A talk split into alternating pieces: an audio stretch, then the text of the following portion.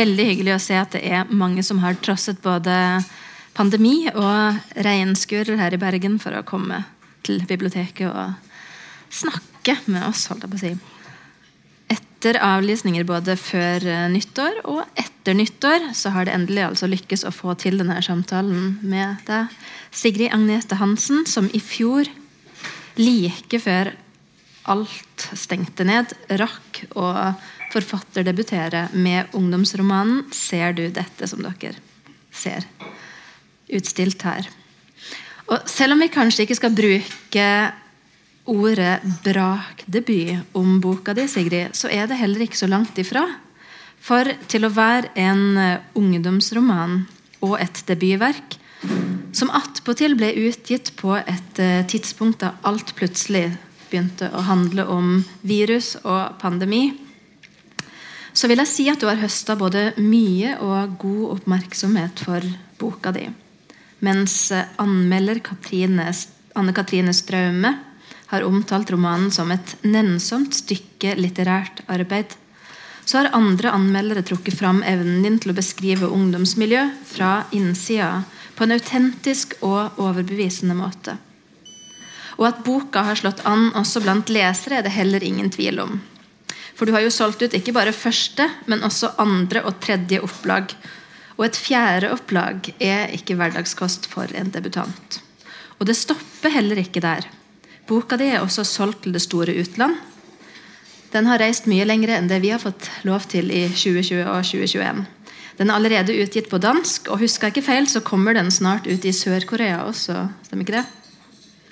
Dermed er det etter hvert ganske mange som har eh, eller som allerede kjenner historien din om 15 år gamle Anna og Lars.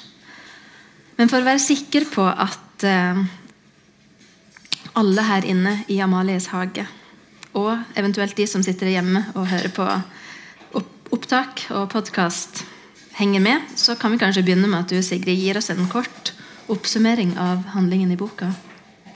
Ja.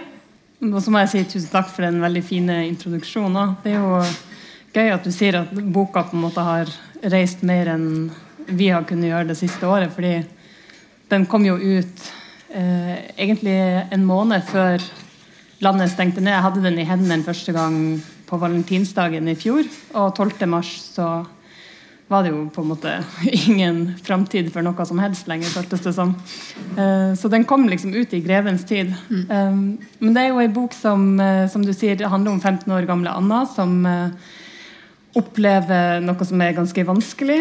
Vi møter henne på et tidspunkt der hun på en måte skal starte livet på nytt. Og må forholde seg til at hun reiser fra et rykte som har spredd seg. Så kanskje jeg skal starte med å lese litt fra starten, så kan vi komme enda mer inn på tematikken etter hvert også.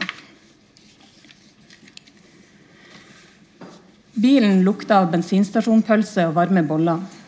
Vi har kjørt i tre timer, og lillesøstera mi holder på å bli lei. Hun sitter i bilstolen ved siden av meg og sparker. Anna, prøv å underholde søstera di, er du grei, sier mamma fra fremsetet. Jeg finner ei bok med bilder av dyr i og gir den til lillesøstera mi. Sparkinga slutter. Hun begynner å se i boka mens hun plukker en rosinbolle fra hverandre. Jeg kikker fort på mobilen. Det står at det er 1 time og 9 minutter igjen til det nye huset. Google Maps sier at det er 303 km fra den gamle inngangsdøra til den nye. Man ville bruke 50 timer på å gå, men hvem går 50 timer i strekk? En kan også ta båt. Det tar bare tre timer. Vi pleide å gjøre det før. Dra med båten hit og besøke bestemor. Men denne gangen kjører vi bil, for nå skal vi ikke på besøk. Nå skal vi bo her. Snart er vi fremme, sier pappa fra førersetet. Jeg vet ikke om han sier det for å trøste eller for å advare. Et rykte reiser fortere enn en bil kan kjøre. Et rykte trenger ikke å feste setebeltet. Et rykte stiger ikke på en hurtigbåt, spiser pølse og ser ut vinduet, ser reklamene på skjermene som henger ned fra taket. Et rykte vet at det gjelder å komme seg fort frem og har ikke tid til en lang båttur. Ryktet venter ikke til båten har lagt til kai. Ryktet ser ikke på klokka. Ryktet står ikke i ro og mak og tenker på om noen venter på land. Det er ikke sånn et rykte jobber. Ryktet bryr seg ikke om kilometer eller om fart eller om reiserute. Det vil bare fort frem, og det vil nå så mange som mulig. Har ryktet reist framfor meg? Er det kommet fram allerede? Det er alltid noen som kjenner noen andre, som vet noe ingen andre vet. 303 km er ingenting. Jeg tenker på ryktet og lukker øynene. Jeg ser for meg fjesene til alle i den gamle klassen min. Jentene, guttene, langt hår, kort hår, pannelugger, sideskill, hestehaler, håret ned, mellomrom mellom tennene, regulering. Jeg ser det røde i kinnene deres, blodet som blir vekk fra fjeset. Jeg ser fjes som har noe å fortelle videre. Pappa stanser framfor et gult hus. Nå er vi fremme, sier han, og lillesøstera mi tar til å sparke igjen. Hun vil ut, mamma kan ikke få løst henne fort nok fra bilsetet. Du er nå ved målet ditt, står det på skjermen. Jeg slår av Google Maps-appen, tar et dypt pust med magen og går ut av bilen. Hmm. Nå er det kanskje noen som lurer på hva ryktet går ut på.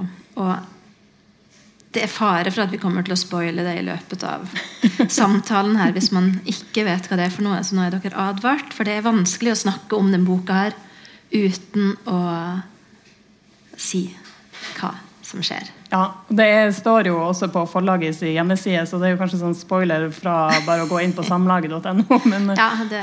ja, men det handler jo altså om et nakenbilde som har blitt spredd. Eh, og så eh, prøver boka da å forklare hvem som har spredd det, hvorfor det har blitt spredd, og hva som er veien tilbake til å ha en slags normal hverdag igjen. da. Mm. Fordi som vi hører i starten her, så er det på en måte den skrekken for at ryktet har kommet, og for at eh, alle andre skal på en måte få vite om det som hun drar ifra.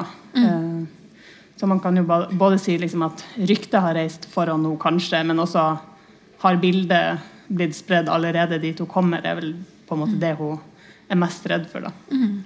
Og det er jo når vi blir holdt litt på pinebenken gjennom hele boka med vil jeg si, spørsmål om det når fram eller ikke. Men jeg vil heller starte med å spørre deg hvor kom denne historien fra, Sigrid?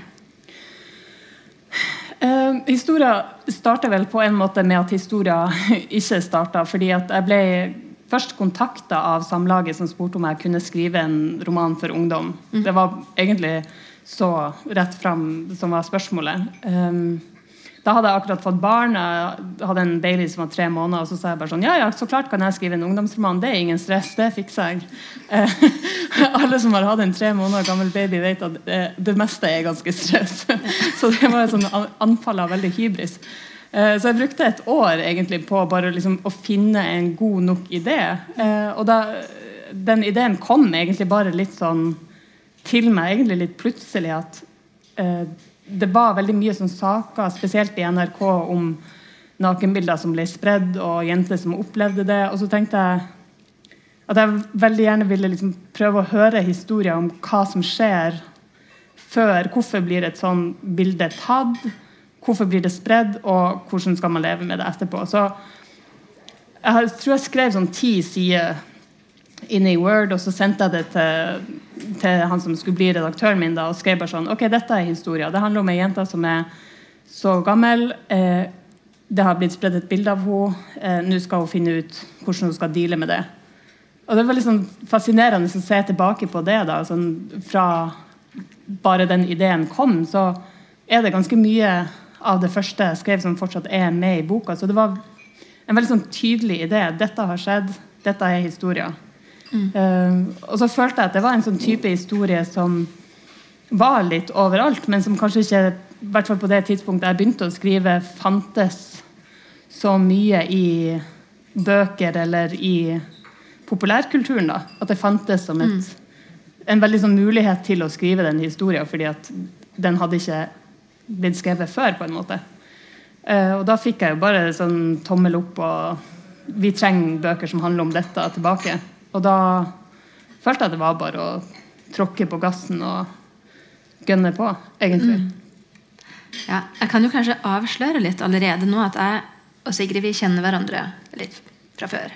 Ja, ganske godt. Vi kjenner hverandre ganske godt, og vi har kjent hverandre i mange år. Og når jeg leste boka her, så kjenner jeg også igjen mye av deg i boka. Og nå bor vi jo i forskjellige byer. Jeg bor her i Bergen. Du bor i Tromsø. Så alt vet jeg jo ikke om deg. Og jeg vet ikke jeg får, jeg får, ikke noen mistanke om at det er en selvbiografisk bok, selv om jeg kjenner mye igjen av deg i boka her. Um, men jeg tenker likevel jeg vil spørre deg om jeg har rett i min antakelse. Altså, Fins det en del av deg i hovedpersonen Anna? Ja, altså på en måte tenker jeg at de tingene som skjer med henne, eh, altså kanskje aller mest spesifikt det med at det nakenbildet blir delt, det er jo noe som jeg aldri har opplevd sjøl. Men jeg tror grunnen til at jeg syntes at det var veldig gøy å skrive den boka, var fordi at jeg klarte å gå tilbake til veldig mange av de følelsene som jeg satt med når jeg gikk på ungdomsskolen, som handla veldig mye om det med å kjenne på tvil og prøve å finne ut hvem man er. og Eh, og det er veldig mange ting som, som er i, i spill oppi hodet når man er 15 år gammel. At jeg følte at det var veldig spennende å gå tilbake til som 30-åring. da, Og på en måte gå inn i sitt eget hode og se hva slags følelser man kunne fortsette å skrive ut. da. Eh, mm. Og samtidig ha den distansen til det ved at nå er jeg voksen, så det er ikke det samme som jeg opplever nå. Men å liksom kunne gå litt tilbake til det, da. Um, men sånn personlig så var jeg ganske annerledes på mange måter enn hovedpersonen da jeg gikk på ungdomsskolen sjøl.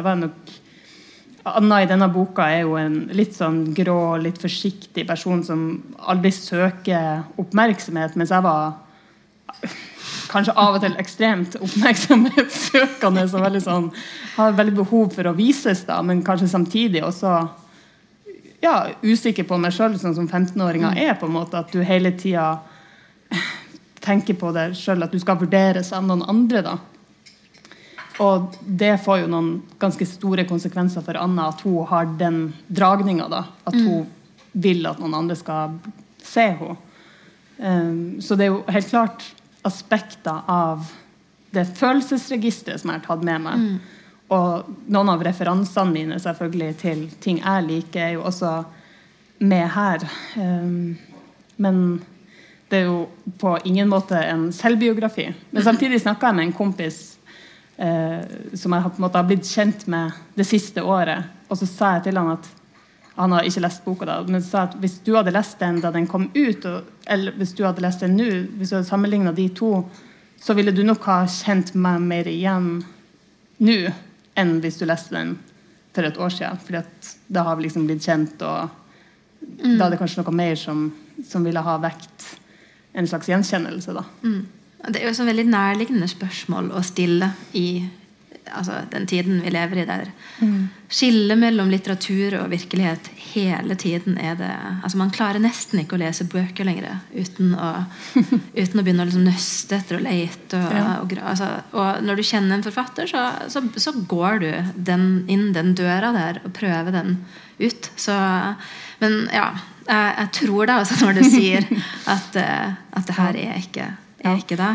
Um, men jeg tenker jo at mange har jo rost deg, og jeg synes det er interessant det du sier om at du gikk tilbake til ditt eget altså inn i ditt eget hode og let, fant tilbake til deg sjøl som, som ungdom. For mange har jo påpekt som en stor kvalitet ved boka at at du skildrer ungdom så autentisk at du altså Sånn er ungdom, og sånn er ungdom i dag. Og, mm. altså, anmelderen Solgunn Solli skrev f.eks. i sin anmeldelse at du tydeligvis kjenner ungdomsmiljøet i dag fra innsiden.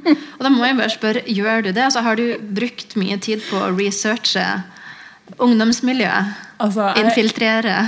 Altså, jeg er så livredd for ungdommer. Jeg var sånn klikke hvis jeg går forbi sånne ungdomsgjenger på gata. og sånt. helt sånn. Men det er kanskje det òg, at jeg, jeg, kjenner veldig den der eh, Med en gang jeg liksom ser ungdomsgrupper, og sånt, så blir jeg veldig sånn jeg tror plutselig at jeg er like gammel som de, og at vi liksom går i samme klasse, og at de skal vurdere meg. Da. Jeg, mm. det er kanskje noe sånn litt feil, eh, sånn som jeg er skrudd sammen. Da. Men, men sant, ungdommer er jo så rå og så mm. ærlige og alt sånn, så Eller bare helt sånn uinteressert. De har jo veldig sånn spesielle måter kanskje å, å uttrykke seg sjøl på.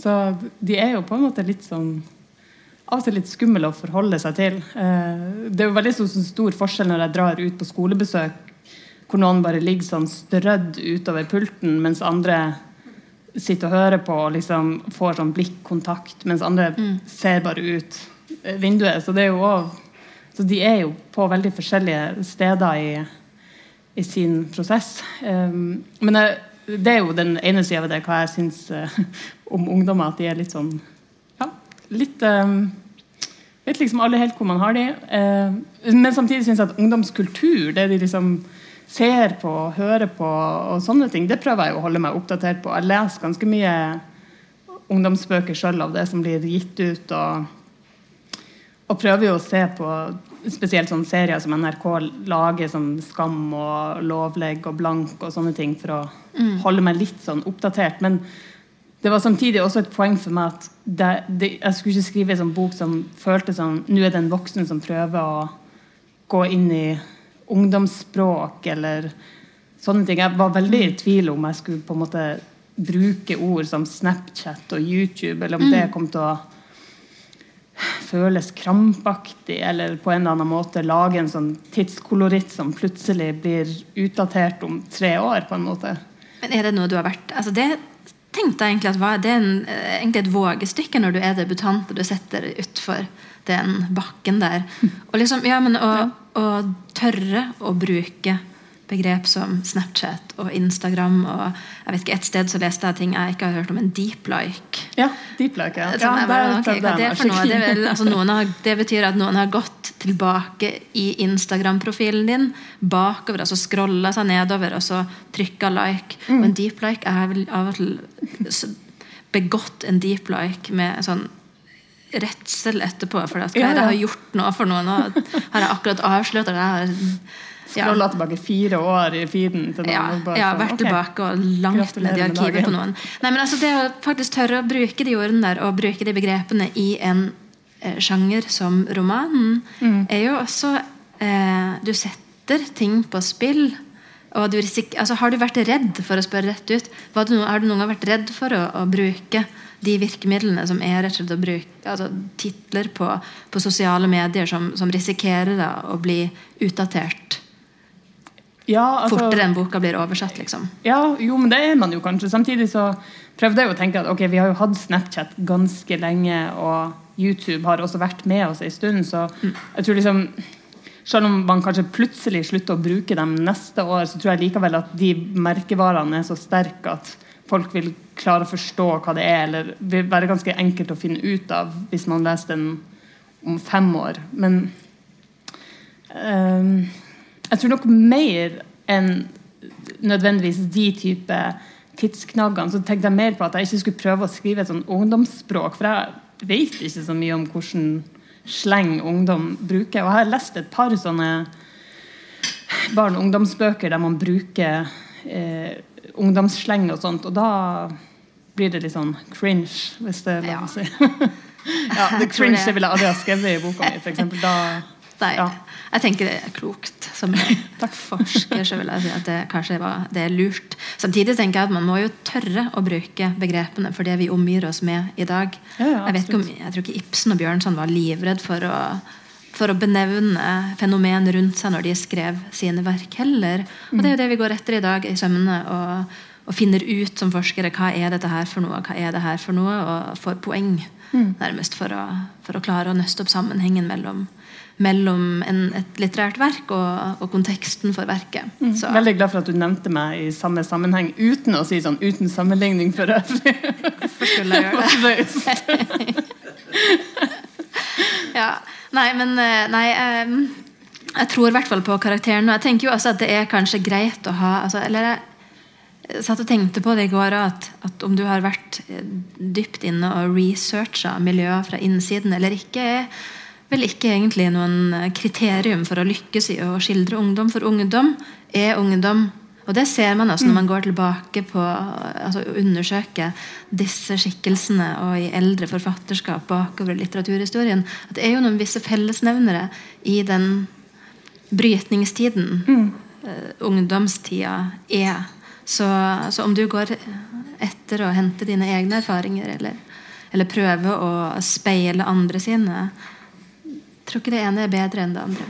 Nei, altså jeg tror på en måte det er mange av de samme prosessene man skal gjennom, altså som handler om identitet og å finne ut hvem du er, som, som, vil være den samme uansett om vi skrur klokka 50 år tilbake eller 50 år fram i tid. Mm. Men så er det kanskje rekvisittene og rammene for det som vil endre seg litt. Men eh, altså ja, Det går jo an å lese ungdomsromaner som er eldre og likevel føle at dette kunne ha vært i dag, selv om Ja. de kanskje hører på kassett eller Discman i stedet. Ja, ja. Nettopp.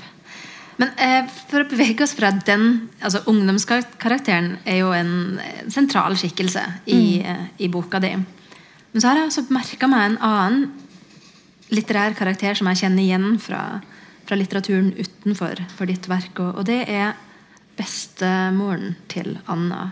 Og nå synes jeg Det er litt hyggelig at det ikke bare er ungdom som sitter her på Amalies hage, men også noen som kanskje kan være identifikasjonsfigurer med, med de, den besteforeldregenerasjonen. Um, for den trygge besteforelderen, eller den voksne bestevennen som Anna har, er jo en gjenganger i barne- og ungdomsbøker. Vi kjenner han eller henne f.eks. igjen fra universene til Astrid Lindgren, men også nyere eksempler som Maria Parr sitt forfatterskap. Så lurer jeg litt på, Er det her bevisst, eller har du tenkt over at det er en sånn barne- eller ungdomslitterær arketyp du skriver inn i boka di når du har skrevet det her? Ja, fordi jeg tror at en av de første karakterene som kom til meg utover Anna, var at det måtte være en bestemorkarakter. Jeg hadde veldig lyst til å skrive en, en bok som hadde en bestemorkarakter som skulle ha en helt sånn spesifikk funksjon. At det, det skulle liksom ikke bare være en venn, men at den vennen skulle føre til at en del av handlinga skjedde. Eh, og eh, ja, vi kan jo røpe litt at bestemora i denne boka får eh, den funksjonen at Anna tør å være ærlig med sin nye venn. Eh, og hun bidrar til en del sånn det man kaller comic relief. Jeg vet ikke hva man kaller det på norsk, men altså at det blir en viss letthet uh, og litt sånn sprer litt humør, da. Um, men det er jo helt klart at den der besteforelderen um, er jo en sånn gjenganger, som du sier, i litteratur, og som kanskje skal være en annen type trygghet enn foreldrene og sånne ting. Uh, og det tenkte jeg òg på når jeg skrev at uh, det var så, altså, Hvordan skal du portrettere foreldrene i en sånn sak? For det som har skjedd med Anna, da, er jo at dette nakenbildet har blitt spredd. Eh, det har blitt så ille at familien flytter da tilbake til der som den ene forelderen kommer fra. Mm. der bestemora også bor. Og når jeg har snakka om den tidligere, så er det flere som eh, har spurt om de foreldrene enn de har spurt om bestemora. da.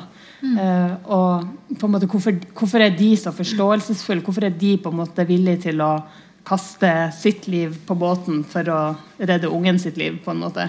Eh, og det var òg liksom viktig for meg at, at den, den hovedpersonen skulle ha så mye greier å deale med at den skulle det skulle ikke være sånn at, at foreldreforholdet i tillegg skulle være vanskelig.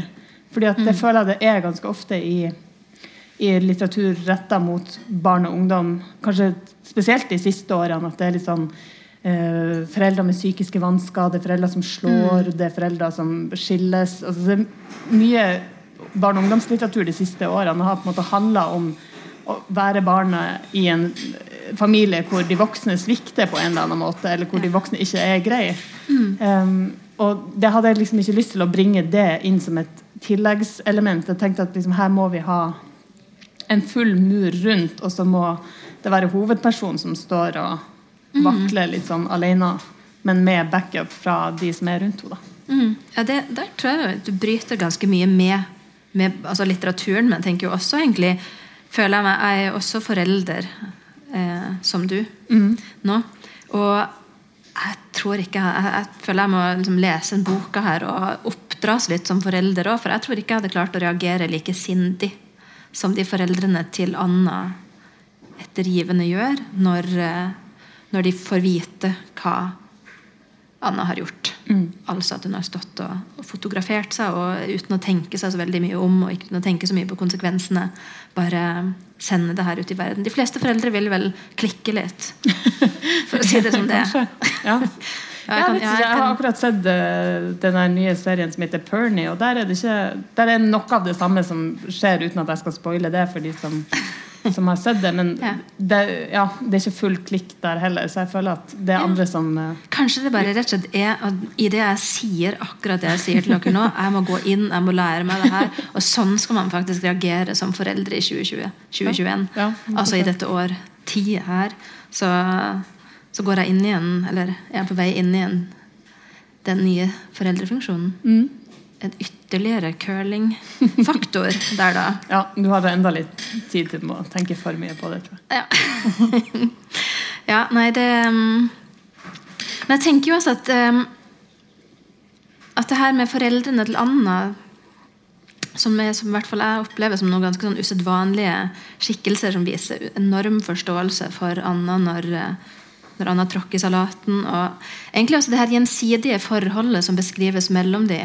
For i mye barne- og ungdomslitteratur så settes det som du sier, opp en slags mur mellom eh, foreldre og barn, der foreldrene bare blir noen sånn perifere skikkelser, og ikke så mye mennesker. altså Man mister litt den her menneskeforholdet. Og det er vel en del av det å være ungdom også. At du går fra at mor og far er bare en kjempetrygghet, til å bli noe du skal absolutt ikke være som. altså det Du motsetter deg eh, mer enn noen annen ting.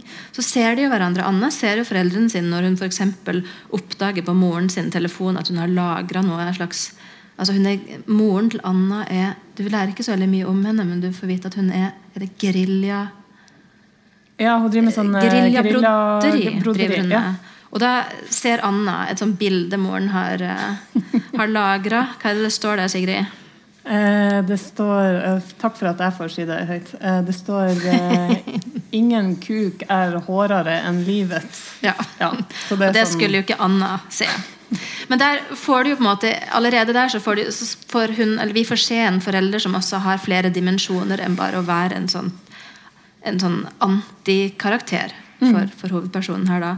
Men de ser hverandre. og jeg tenker De leder meg, eller leder oss jo litt over til tematikken. eller En av, de flere, altså en av flere tematikker i denne boka, her, nemlig det å se hverandre, eller å bli sett. Um, å få og gi tillit, men også kanskje det å oppleve at noen misbruker tilliten din i det de ser deg. Um, jeg vet ikke, Hva tenker du om, om tematikken i boka? Nei, altså Nå har jo jeg og du snakka litt om det før vi møttes her, men sånn som jeg ser det, så er det jo ganske mange forskjellige tematikker og sikkert mange typer ting man kan gå inn i og se nærmere på hvis man vil. Men det med å se og bli sett er jo den overordna tematikken, tenker jeg, som både handler om um, altså Før det her nakenbildet blir spredd, så handler det jo veldig mye om at Anna vil bli sett i klasserommet. Altså bare bli oppdaga og bare liksom At noen skal snu seg og si at hei, å ja, du eksisterer. sant? Og det er jo når det skjer at hun begynner å føle at hun lever mer enn hva hun har gjort før. Og så blir hun jo sett eh, sant, hele seg helt naken, alle ser henne, og da vet hun jo også at det er liksom ingen vei tilbake. Da, da er på en måte alt der, og alle har sett det. Og så, og så er det jo da at hun er redd for at de andre har sett det på den nye skolen. og sånn, Så det med blikk går jo veldig mye igjen. og Men det handler jo ikke bare om bildet, men på en måte det å bli sett som menneske. på en måte. Så, så det er jo hovedtemaet, hvordan enn man snur og vender på det. Og så er det jo andre eh, tematikker. Liksom bare det med nakenbildet i seg sjøl kan jo på en måte ses, ses på og på en måte analyseres i, med tanke på den tida vi er inne i. og sånt. Um, men det handler jo også veldig mye om å finne trua på seg sjøl. Og det er jo òg et sånn typisk kanskje tema for mye ungdomslitteratur. Det å liksom finne styrken i å være seg sjøl og finne ut hvordan man skal si ifra og slå ned på ting som er kjipt, eller ting man opplever som er sånn grenseoverskridende. Da.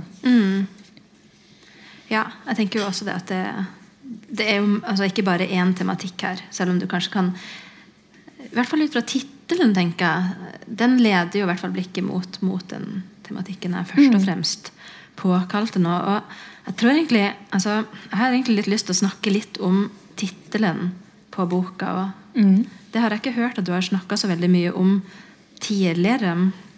Altså, Tittelen på boka er jo 'Ser du dette?' Det heter den på norsk. Eh, og i, gjennom boka så har du jo et par passasjer, i hvert fall har jeg merka meg et par passasjer som mer eller mindre tydelig reflekterer eller tar opp i seg denne tittelen. Eh, og den ene er en slags drømmeaktig sekvens som du markerer. Altså det er en, flere sånne drømmeaktige sekvenser gjennom den boka her, som markeres med kursiv. Og nå er ikke jeg noen racer i å lese nynorsk. Hørte du lyst det med å lese din egen, med din egen dialekt? Kan jeg få lov til å gjøre det òg? Ja, vær så god. Ja, da kan jeg bare lese den, siden dere kanskje ikke har den present nå. Men altså, i en sånn kort, drømmeaktig sekvens midt i boka så står det Om natta sitter jeg framfor en datamaskin. Det blå lyset fra skjermen stråler ut i et mørkt rom. Nettleseren viser et bilde av en ung mann framfor en dataskjerm. Jeg ser nærmere. Nesen min er en millimeter unna dataskjermen på bildet. Men jeg ser det nok. Mannen på dataskjermen ser på et bilde av meg. Det han ser på, er meg som sitter framfor en skjerm. Mannen snur seg, ser rett på meg og spør Ser du dette? Og sånn stopper den sekvensen. Eh, det er den ene der jeg finner denne tittelen mm. reflektert. Den andre passasjen finner vi rett før det fatale skjer. Altså rett før Lars, som Anna har vært så forelska i, tar en screenshot av det nakenbildet som Anna har sendt han etter lengre tids meldingsutveksling. Og Jeg kan bare lese det nå kort her. Jeg sto naken foran speilet. I hendene mine var det ikke lenger plagg, det var telefonen min. Jeg løfta den, gjorde meg klar til å sikte. Hele meg. Kamera som laga lyd. Og så det som skulle til for at Lars så det. Send. Også det jeg bare skulle vente på. At Lars åpna bildet. At han så dette. Og Den siste passasjen her, som jeg nå leste, den er ikke så kryptisk som den første. Samtidig så får den siste passasjen her meg til å tenke at det kunne stått at Lars åpna bildet. At han så meg, eller at han så meg, som du ville skrevet på nynorsk. da. Eh, og det her er også noe Anne Katrine Straumar påpekte i anmeldelsen sin av boka. altså at Hun åpna anmeldelsen med å skrive denne boken kunne like godt het 'Ser du meg'. Eh, og På dansk så vet jeg at tittelen på boka har blitt endra til 'Helt nøgen' eller 'Helt naken', som også gjenspeiler en passasje hvor Anna får overhøre noen av jentene på skolen snakke om det her bildet. Altså, hun er helt naken. Sånn, så det er jo som tar opp i seg noe fra boka di. Eh, og nå har jeg spurt deg før Du vet at jeg kommer til å stille deg spørsmålet her. Men jeg har jo spurt deg før eh, om du står fast ved valget av tittel. For jeg må si at liksom, tittelen 'Ser du dette?' Til tross for at det er en ganske enkel tittel, det er jo ikke noe vanskelige ord eller noe krevende tittel, så er det faktisk en krevende tittel. For jeg syns også den lille passasjen jeg leste først, er en litt sånn krevende passasje. og og øver egentlig ganske mye motstand i ei bok som jeg må bare reklamere litt til eventuelle unge lesere som lurer på om de skal plukke opp den boka her og lese den. Det er en veldig drivende og lettlest bok med korte stykker, så det er jo egentlig ikke en veldig tung bok du har skrevet. Samtidig som faktisk akkurat der med tittelen for meg oppleves som, mm. som altså det, det, det, har gitt meg motstand, og jeg prøver å liksom finne ut av det. Så nå skal du få mulighet til å til å svare litt for deg, Sigrid. Det er bra at det kommer noen sånne kritiske spørsmål. Ja, Hva ligger i denne tittelen? Jo, men jeg tror um, Jeg tror når jeg liksom jobba med den, så hadde den en slags sånn arbeidstittel som heter um, 'Jeg vet aldri hvor jeg har denne varmen'. Uh, som også var en veldig sånn poetisk tittel, men som Altså, den er jo helt umulig lang og ganske sånn Ja. Ganske lang sammenligna med 'Ser du dette'? Mm. Um, det, det, passasjen som du leste fra denne drømmesekvensen, den, jeg tror ikke jeg har tenkt på den som så veldig krevende, egentlig. Men, men den er jo som drømmesekvenser også litt sånn Skal kanskje ikke være helt entydig, men der har jeg vel tenkt på en måte at det skal vises det at eh, At bilder kan spres veldig lett, og at det på en måte spres til folk som du ikke vet hvem er, som plutselig sitter med bilder du kanskje ikke helt har kontroll over. Mm. Eh, at du mister den kontrollen. Da. Det er en fremmed mann, han sitter foran en datamaskin. Eh, han ser et bilde av deg. Altså, at, det, at, du skulle vise litt sånn mangel på kontroll og kanskje litt sånn frampekte til det som kommer til å skje. da. Mm. Eh, men når det gjelder tittelen i seg sjøl, så ville jeg at det skulle være en kort tittel. Jeg ville at den skulle henvende seg til den som ser boka. da. Eh, fordi og det kan vi også snakke litt om hvordan boka ser ut. For det var veldig viktig for meg at når man skulle se den boka, så skulle den være iøynefallende. Den skulle være sånn at den poppa litt ut av bibliotekshylla eller ei mm. bokhylle en plass. At, det, at, den skulle på en måte snakke til en låner på biblioteket. Eh, mm. og på en måte ikke ha en sånn vanskelig nynorsktittel heller, som skulle kanskje frastøte noen. At den skulle være litt sånn forlokkende. Eh, så det er jo litt sånn taktikk bak det òg. Og det å skulle gi ut ei bok i liksom Instagram-alderen krever jo også at det er ei bok som, som, er synlig. Som mm. på en måte ikke er sånn tvetydig. Jeg var veldig sånn klar fra vi begynte å snakke om cover, at det skal være ei naken jente på coveret, og så får vi finne ut av hvordan det går an at hun er det. Eh, og det skulle på en måte være, det skulle være litt mystisk, men eh, litt sånn pirrende også samtidig. da. Mm. Så jeg tror nok at den tittelen kom også fordi at jeg ville at den skulle vises. At, jeg, at du skulle på en måte vekke litt nysgjerrighet når du så den. da. Fordi liksom at Hvis det står ei bok sånn, og det står 'Ser du dette?', så tenkte jeg sånn Ok, da, da kanskje tar man den og vil sjekke hva den handler om, i stedet for at jeg vet ikke, Helt nøgen er jo en veldig ekstrem sånn dansk tittel, følte jeg. sånn, Fins det noe mer dansk å hete? Og det er jo superflaut å sitte hjemme og google 'Sigrid Agnete Hansen er helt nøgen'. det er litt sånn det, Men det gjør du. Er det noen som men det ser det? uh, men den har også sånn uh, Og det er det ingen som har spurt om, men uh, den har i altså Vanligvis så står jo titlene på en måte horisontalt, mm. ikke sånn loddrett. Mm. Og det var også fordi at jeg ville liksom at hvis en står i hylla, så skulle du på en måte se den. Mm. At jeg tenkte at det snakker også om tematikken, hele måten den ser ut på. da. Mm. Så jeg vet ikke om det var et godt svar, men det var på en måte å tenke ikke bare tematisk, men å tenke sånn Men jeg tenker sånn det, det, er et liksom. godt svar, fordi altså kanskje altså Det er jo kanskje en sånn uh, yrkesskade man får, og at man forvansker ting ganske mye når man setter seg ned og leser bok uh, som, som, litteraturviter, og ikke bare som, mm. som en helt vanlig leser. da skal du jo på en måte komplisere og gjøre det verre enn det egentlig er. Mm. Jeg, kan jo bare, jeg husker faktisk sjøl altså Jeg har et tydelig minne fra uh, en gang jeg sjøl fant ei bok på biblioteket med en naken jente utenpå. Og den tok jeg faktisk ned. Det stemmer. Det var Karl mm. Ove Knausgård sin, ja, ja, sin uh, debutroman. ja, Så det funka jo. Jeg visste ikke hva det var for en forfatter, men, men der har du et, eh, et nabo- eller en, et søskenverk. Absolutt. Men der står da jenta andre vei. Men den var jo tydeligvis pirrende for mange nok, den. Men det er jo veldig, det, du sa jo i stad at den er på tur ut til Sør-Korea. Den har faktisk kommet dit. Bare, jeg har ikke fått den hjemme, men der måtte vi gjøre ganske mye justeringer. fordi at der er det ikke lov å ha ei naken dame på forsida. Så det ser egentlig litt ut som at noen bare har sølt masse sånn blanko akkurat midt på. ja. hva, vet hva tittelen på, på den boka ja, i Sør-Korea? Jeg tror det er sånn 'Så du det bildet'?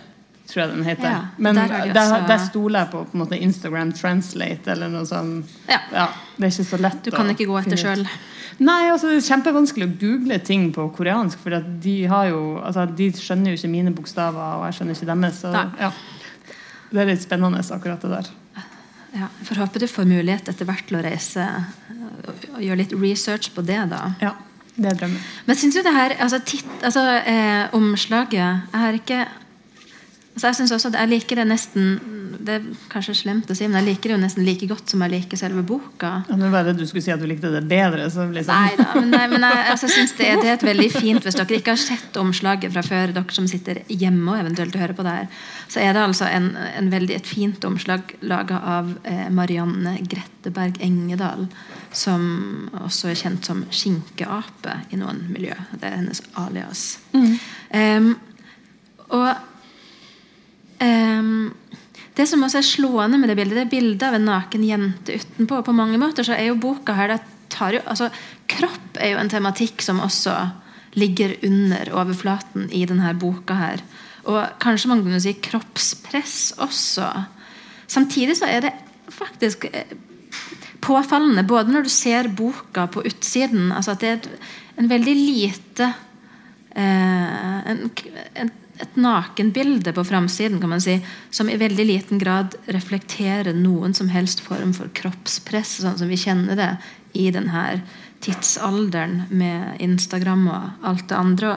Og det samme syns jeg også når jeg leser boka. at det er lite, Jeg aner ikke om Anna er høy eller lav, om hun er rund eller tynn. Hun, altså jeg, du gir lite, egentlig, mm. når det kommer til beskrivelsen av hvordan hun ser ut når hun står der foran speilet.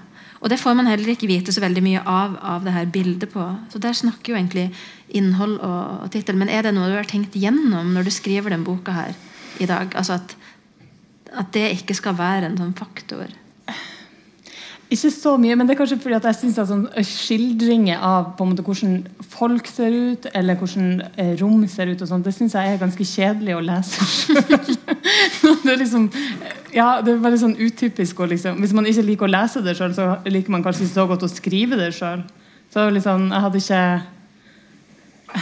Ja, den er kanskje ganske sånn fri for detaljer på en måte om hvordan folk ser ut, og rom. og Det er vel noen passasjer hvor på en måte veggen mm. sin farge er, er fremheva. Men, men, jeg har eh, prøvd å overlate det litt sånn også til fantasi. og Det er vel ganske sånn tydelig ut ifra sånn, hennes plass i hierarkiet at hun ikke er klassens babe. og Hun, mm. hun driver jo også og kanskje sam, eh, ikke sammenligne seg sjøl nødvendigvis med andre, men hun påpeker jo liksom hvordan mange av de andre ser ut. Og det mm. tenker jeg òg kanskje er med på å um, på en eller annen underbevisst måte vise at hun ikke er helt sånn som dem. For at mm. i den nye klassen så påpeker hun vel at, no, at de er litt sånn solariumsbrune og har kule klær og mm. fine sveiser. Og mm. på den gamle skolen som hun har flytta fra, så er det òg en del jenter som er sånn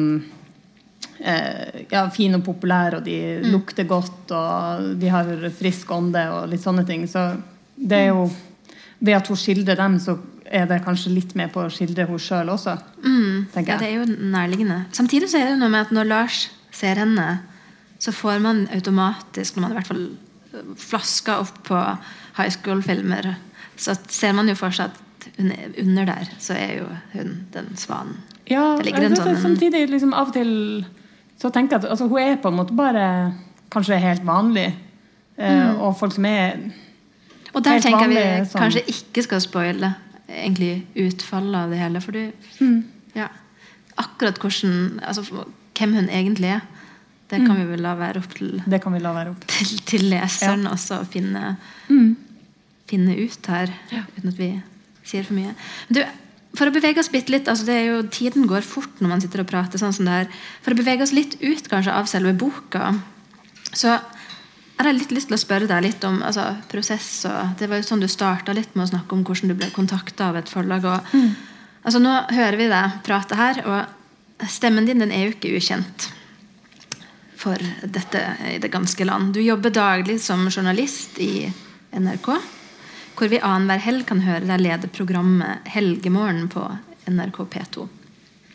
Og Dette arbeidet har du sant, hatt også gjennom skrivingen. Du var i permisjon da du starta, men, men når du var ferdig med permisjonen, så har du sjonglert det å skrive en god roman med, med det å utvikle og også eh, lede et eh, program på radio. Så jeg bare lurer på hvordan du har klart å kombinere det her. Altså, hvordan har du fått tida til å strekke til når du også har altså, Den tre måneder gamle babyen har jo ikke blitt yngre. yngre. Nei, Han har ikke gått inn i noen enklere alder heller, så hvordan gjør man det? Det er sikkert mange som lurer litt på. Ja. Jo, men da jeg skrev eh, den boka, det var vel egentlig sånn høsten 2018 til høsten 2019. Så ca. ett år med skriving, da. Eh, da jobba jeg i lokaldelen av P1. Altså jeg hadde morgensendinger og ettermiddagssendinger på P1 i Troms. Og når man har spesielt morgensendinger, så begynner man jo på jobb klokka fem om morgenen, og så er man ferdig klokka tolv om, nei, 12 om formiddagen. Uh, og da hadde jeg jo på en måte fire timer til jeg skulle hente i barnehagen. Så jeg hadde jo på en måte ganske ofte de fire timene til rådighet. Eh, Men det er jo ingen hemmelighet at jeg satt veldig mye hjemme ved kjøkkenbordet på en sånn kjempehard kjøkkenstol eh, og skrev på kveldstid. Og følte egentlig ganske lenge at jeg sa nei til veldig mye. Så det handler jo kanskje også om at jeg ganske tidlig i prosessen, kanskje egentlig fra start, hadde blitt bedt om å skrive ei bok. Eh, så skjønte jeg at det her kommer til å bli ei bok. Det er ikke bare sånn at nå sitter jeg og prøver å skrive noe. Eh, så det var nok òg en sånn drivende faktor at jeg hadde et sånn helt tydelig mål, og at jeg fungerer veldig godt hvis jeg har faste tidspunkt for leveranser. Hvis jeg får sånn vage datoer og liksom Ja, levere en gang i sommer altså, ja. Jeg er sånn rutinemenneske som må ha faste ting å forholde seg til. Der er jo folk veldig forskjellige, og noen er veldig sånn kan sitte en hel dag og skrive. Jeg har en mann som også er forfatter, og vi har ganske sånn forskjellig hva skal jeg si, produksjonsrytme. Fordi jeg, jeg har jo lært meg etter hvert også at det er ikke så veldig nøye om det ikke blir bra på første forsøk. Denne boka er jo ikke sånn at jeg skrev hele historien, og så tok vi og leste korrektur, og så ble den utgitt. Den er jo skrevet om og på en måte jobba ganske mye med i løpet av den prosessen. Eh, mannen min skriver saktere og kortere og strammere, mens jeg bare sitter og liksom doser på som en sånn liten bulldoser. Og så tenker jeg sånn Ja, ja, da har jeg nå det i dokumentet, og så får jeg sende det videre. Og så må Altså, det er jo aldri ferdig når det er ferdig, på en måte. Nei. Ja. Det var en ganske nedslående beskjed når redaktøren min sa sånn Ja, det her er et fint førsteutkast. Fint om du kan bare skrive deg gjennom det en gang til. At du liksom start, start fra start, og så skriver du det en gang til. Ja. Eh, ja. Nettopp. Må man regne med. Men det gikk. Det gikk. Det gikk. Altså, men nå, nå eh, Du har jo nylig blitt Jeg må jo også skryte litt av deg. Du har jo nylig blitt tildelt kunstnerstipend. Det må vi gratulere med. Takk.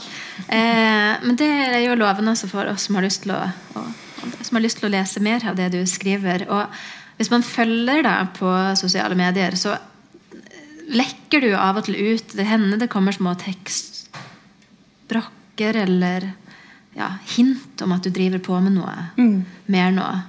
Og jeg mener også jeg har lest at, at du har en ny ungdomsroman i eh, kikkerten, eller i tastaturet, i hendene. Ja, Kan du, har du lyst til å si litt om hva du holder på med nå?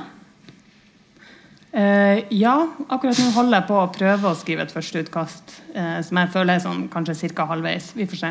Eh, men uh, det er samme målgruppe og ikke samme tematikk, men det er en av karakterene fra denne boka som på en måte er tatt med uh, for å vise den personens side av saken. på en måte. Ikke side av saken, men eh, utvikle den personen og og hva den går gjennom.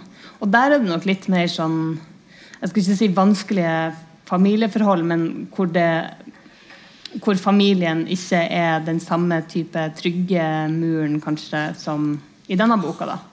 Så for de som savner litt mer sånn krakuleringer i veggen, så blir det forhåpentligvis mer av det i neste bok. da.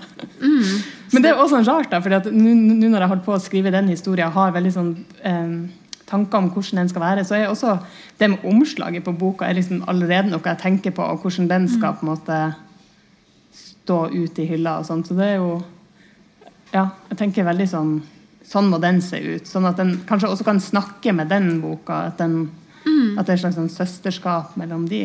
Så ja, det, det hjelper også litt på at når man som forfatter da kanskje kjenner at nå begynner historien å vokse, og det er ikke bare liksom noe du sitter og skriver på for deg sjøl fordi at du har lyst til å bli forfatter.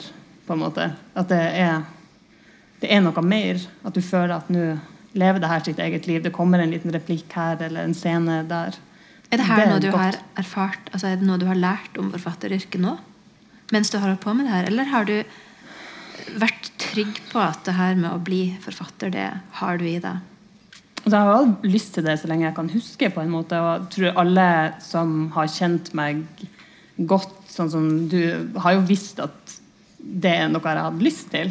Men jeg tror at utfordringa for meg har vært bare sånn Ja, jeg har lyst til å skrive. Og så bare har det blitt, Jeg skrev jo blogg i veldig mange år og, og har på en måte skrevet litt sånn tekster som jeg har lagt ut på Facebook. eller sånn, Vært veldig engasjert i det. Men at det først klarte å materialisere seg når jeg ble spurt om å skrive for ungdom.